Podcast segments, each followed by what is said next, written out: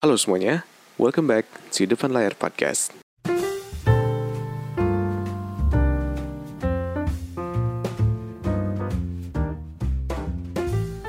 Halo semuanya, balik lagi di Depan Layar Podcast. Apa kabar kalian semua hari ini? Gue doain semoga semuanya baik-baik aja. Gue doain semoga ke- kerjaan kalian semua beres semua Dan semoga segalanya dilancarin. Dan gue mau terima kasih buat kalian semua udah dengerin podcast gue hari ini. Dan yang udah dengerin podcast gue dari sebelum-sebelumnya Kalau misalkan lo mau dengerin podcast gue sebelumnya Lo bisa dengerin dari Youtube, Apple Podcast, Spotify, dan Anchor.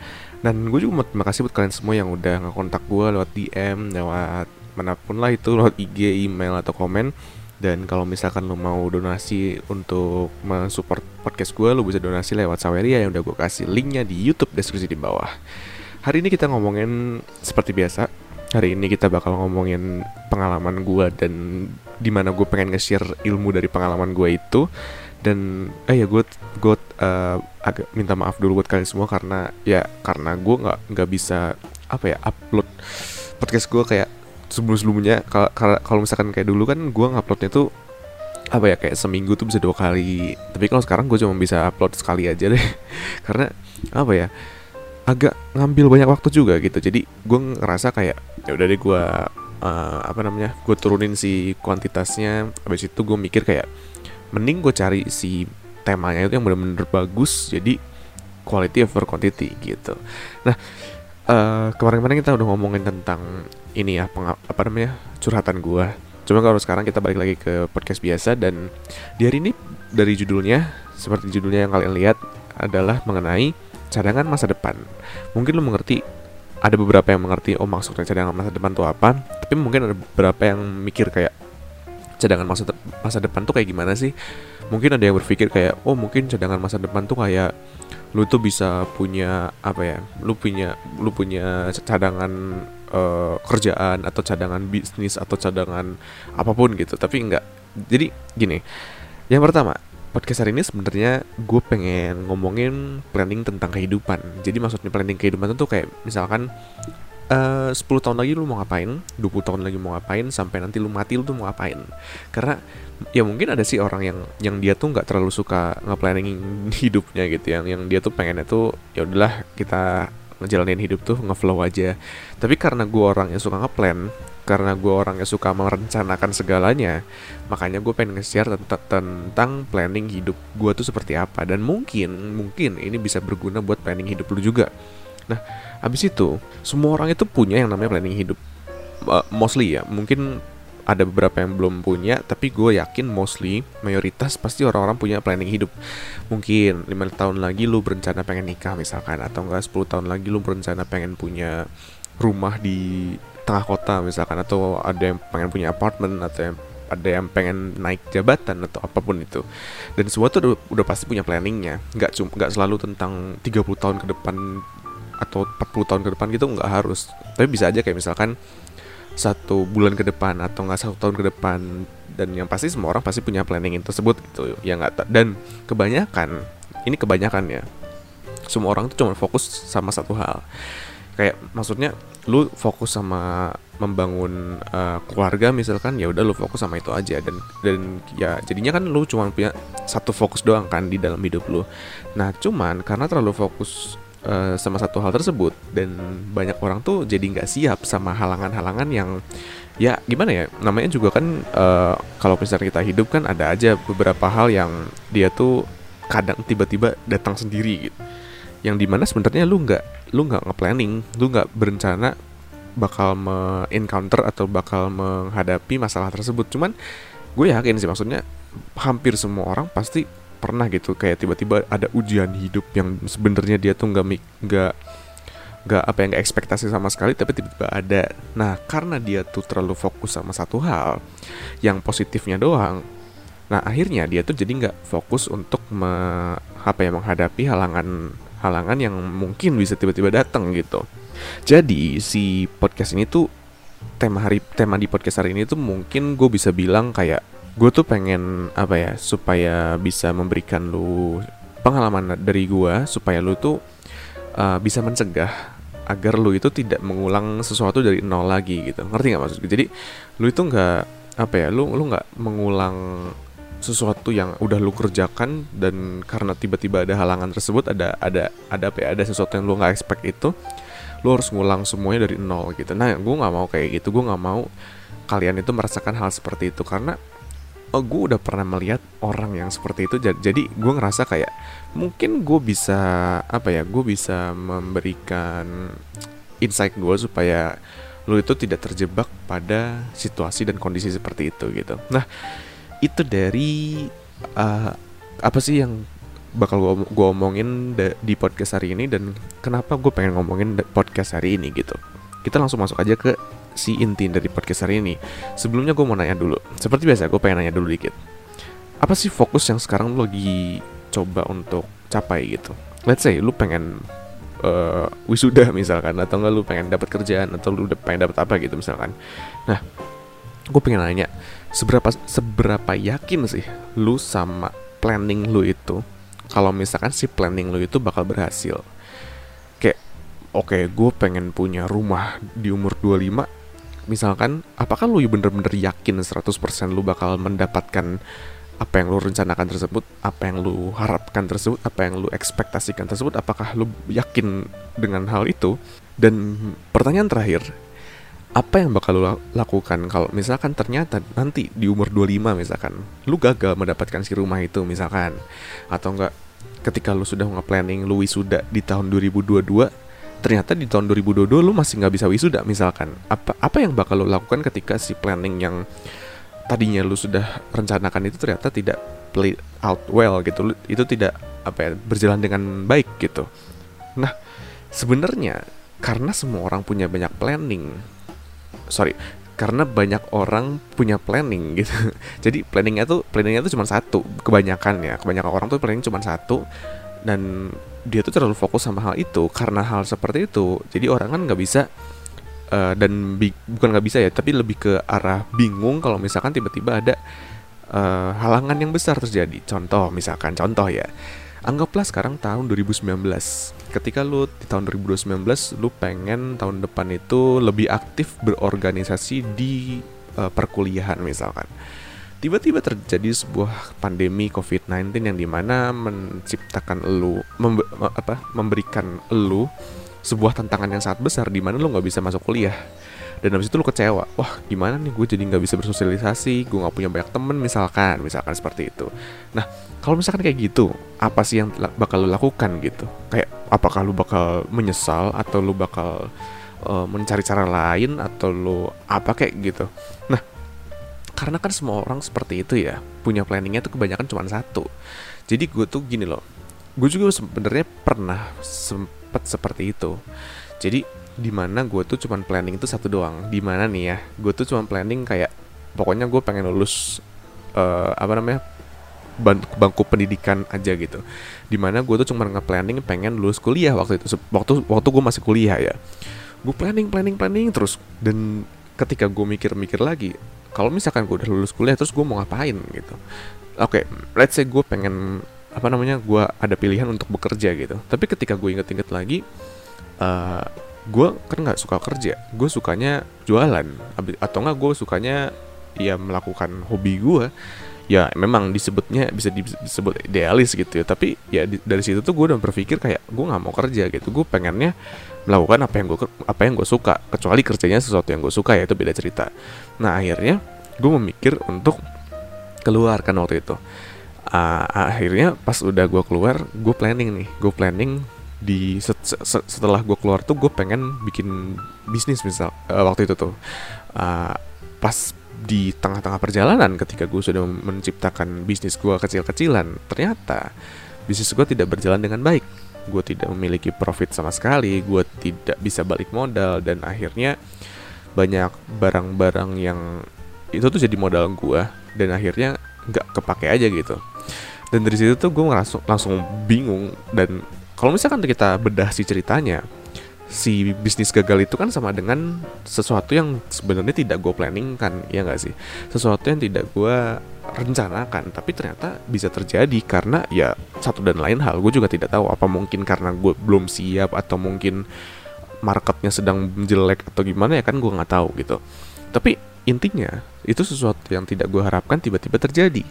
Nah di saat gue meng, apa ya menghadapi situasi tersebut gue sangat bingung. Gue nggak gue nggak tahu mau ngapain. Gue tiba-tiba kayak lost aja gitu. Gue ngerasa kayak uh, apa ya gue ngerasa kayak hilang arah gitu dan akhirnya ketika gue hilang arah akhirnya gue stres. Gue banyak banyak pikiran gue banyak sesuatu yang gue sesalkan. Kayak misalkan tiba-tiba gue langsung mikir kayak kenapa gue harus keluar kuliah? Kenapa gue harus berhenti dari pendidikan? Dan lain-lain gitu. Dan itu kan yang bikin gue uh, apa ya jatuh jatuhnya kayak gue langsung bingung bener-bener bingung gitu. Dan itu tuh yang terjadi sama banyak orang. Kalau misalkan lu cuma nge-planning satu hal lu cuma ngerjain satu hal dan lu cuma punya satu jalan doang ketika si jalan itu rusak lu harus lu bakal bingung. Lu gak, lu gak bisa ke mana-mana dan lu cuma bisa melewati si jalan rusak itu meskipun lu harus kesakitan gitu. Nah itu yang sebenarnya pengen gue kasih tahu ke kalian semua. Ketika waktu itu gue sudah gagal untuk berjualan itu gue langsung mencari cara lain untuk mencapai tujuan gue yaitu sustain hidup gue memiliki kehidupan yang stabil tanpa harus melewati bangku perkuliahan dan uh, apa namanya pekerjaan normal gitu. Gue nggak suka soalnya. Akhirnya gue cari kerjaan yaitu waktu itu tuh gue kalau nggak salah uh, jual jualan juga tapi yang jualan yang yang kali ini tuh berhasil gitu. Dan habis itu gue lanjutin jualan dan habis itu gue jadi uh, freelance juga waktu itu Nah, tapi ketika gue freelance itu, gue langsung mikir, wah nanti kalau misalkan apa yang gue kerjain ini uh, gagal juga, gue nggak bisa punya penghasilan lagi dong. Gue nggak bisa ngapa-ngapain dan gue nggak bakal bisa menghasilkan apa pun. Gue mikirnya seperti itu. Akhirnya, karena pengalaman gue yang sebelumnya sudah terjadi kepada gue, akhirnya gue mulai mengerjakan beberapa hal. Contohnya salah satunya podcast ini.